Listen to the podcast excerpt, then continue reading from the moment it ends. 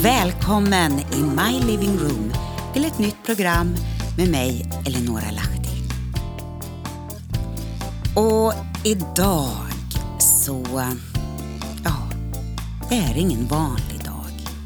Efter en helg som vi har fått uppleva i Sverige. Det är strax innan påsk. Det är 2017 och vi vet som hände i Stockholm, i Åhléns. Men idag ska jag också ta dig tillbaka ungefär 3 500 år. Och sen kommer vi fram till ungefär för 2000 år sedan. För att eh, sen knyta ihop allt vad som gäller i vår tid. Du är hjärtligt välkommen in my living room. Ja, det har blivit Pesach-afton. Och eh, det är ju någonting som vi kanske inte riktigt känner oss bekant med. Vi talar om julafton och påskafton och pingstafton. Och det där lilla ordet afton, det hänger med från judarnas högtider. För i deras kalender, det börjar dagarna på kvällen innan. Ja, det känns lite ovanligt, men så är det faktiskt. Och nu har jag tänkt att läsa för er ifrån två blogginlägg. Det första jag läser det heter Dags för reformation.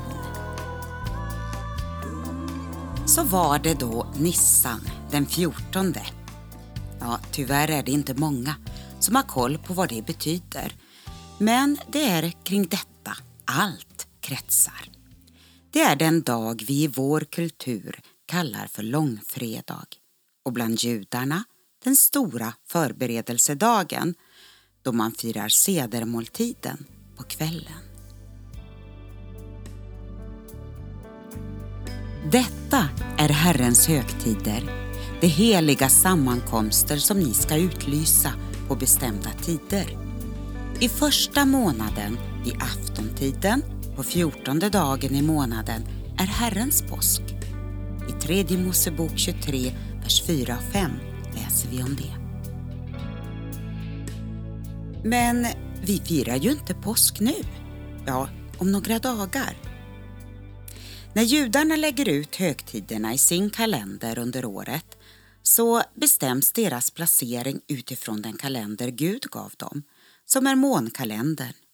Men vi däremot i vår kultur, vi använder solkalendern, vilket de romerska ledarna på 300-talet införde och då man samtidigt förbjöd den judiska månkalendern.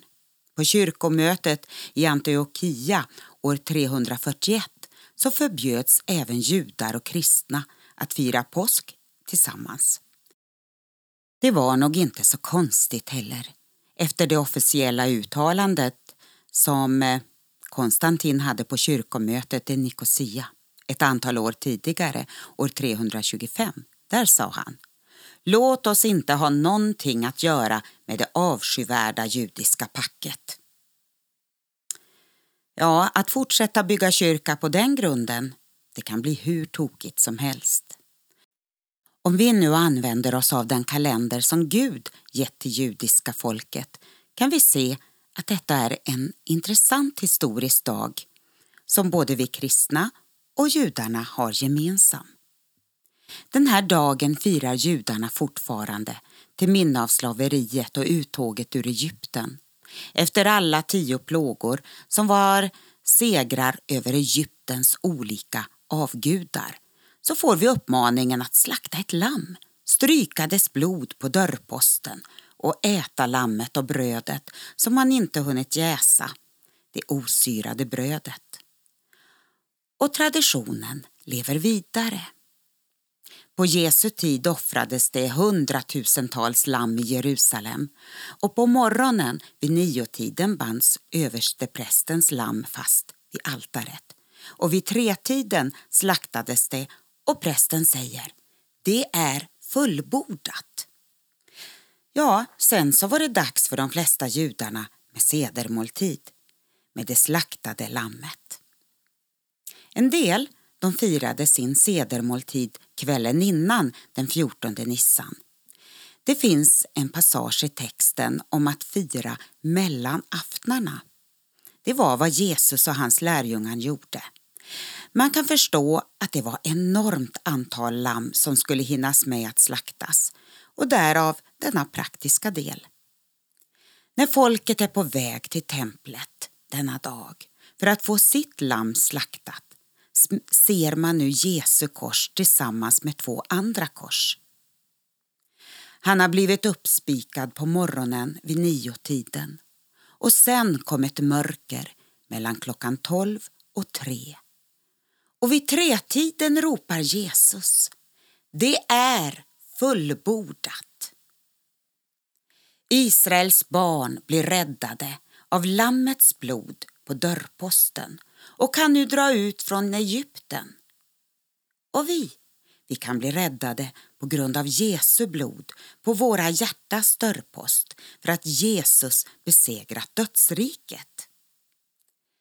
Israels barn får nu uppleva friheten och vi, vi som är inympade i det sanna olivträdet och bekänt Jesus som Herre och Frälsare, ja, vi får ta del av det Jesus erövrat till oss. Så fantastiskt! Och snart så kommer pingsten där vi också får se Guds storhet mellan Gamla testamentets skuggbild av hans underbara återlösningsplan för oss alla. Allt hänger ihop.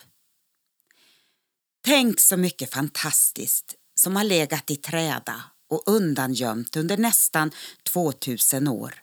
Kunskap om Guds högtider gör hans återlösningsplan ännu mera begriplig, närvarande och fantastisk. Ja, jag undrar verkligen vilka krafter det var som försökte hålla tillbaka allt det här. Röra till kalendern, förlöjliga högtiderna och även sammanblanda dem med annat. Det gick tyvärr så långt att romerska kristna kallade högtiden för Easter, ett äldre namn på en hednisk romersk vårfest. Men förstås, man undanhölls ju från att läsa Bibeln och värre blev det. Den lästes till slut på latin inför ett folk som inte kunde förstå språket. Nu har vi biblar överallt till vår glädje. Men hur mycket läser man Bibeln i vår tid? Det är dags för reformation.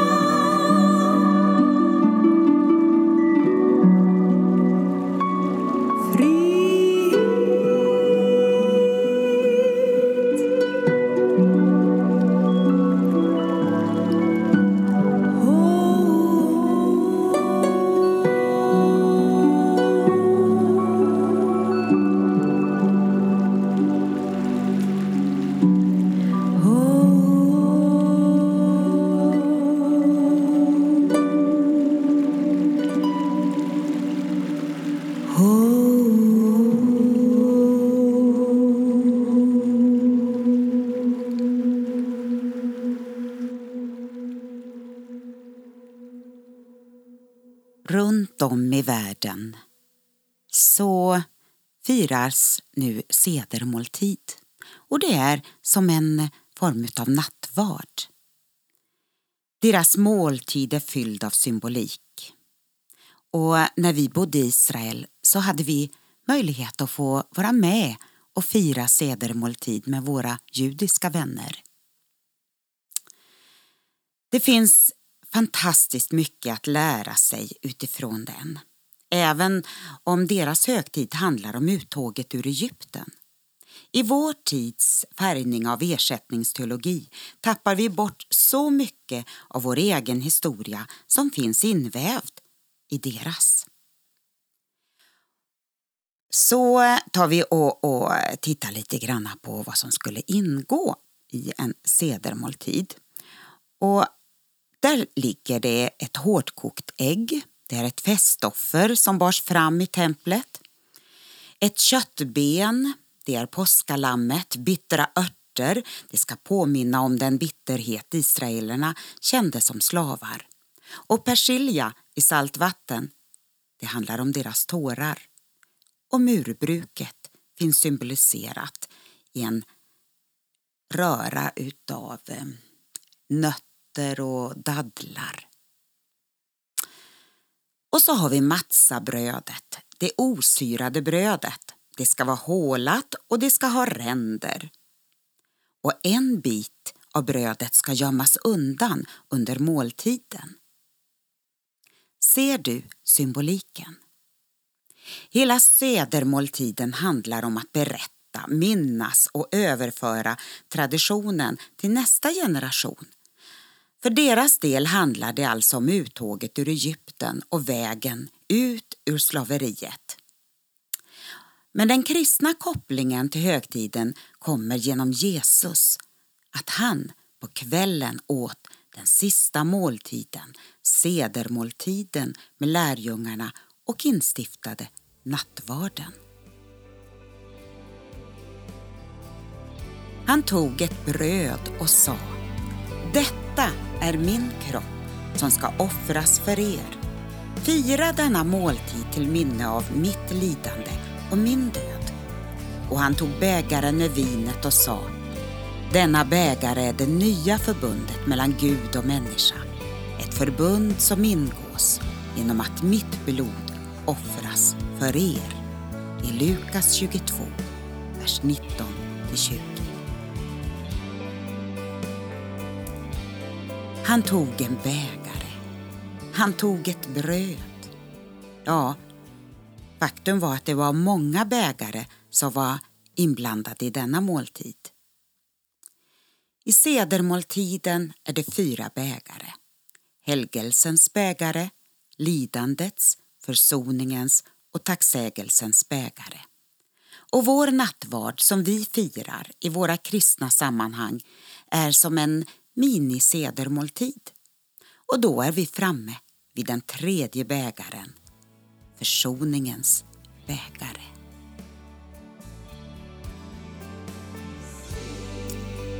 Det var våra sjukdomar han bar, våra smärtor tog han på sig medan vi höll honom för att vara hemsökt, slagen av Gud och pinad. Han var genomborrad för våra överträdelsers skull, slagen för våra missgärningars skull och straffet var lagt på honom för att vi skulle få frid. Och genom hans sår är vi helade. Jesaja 53.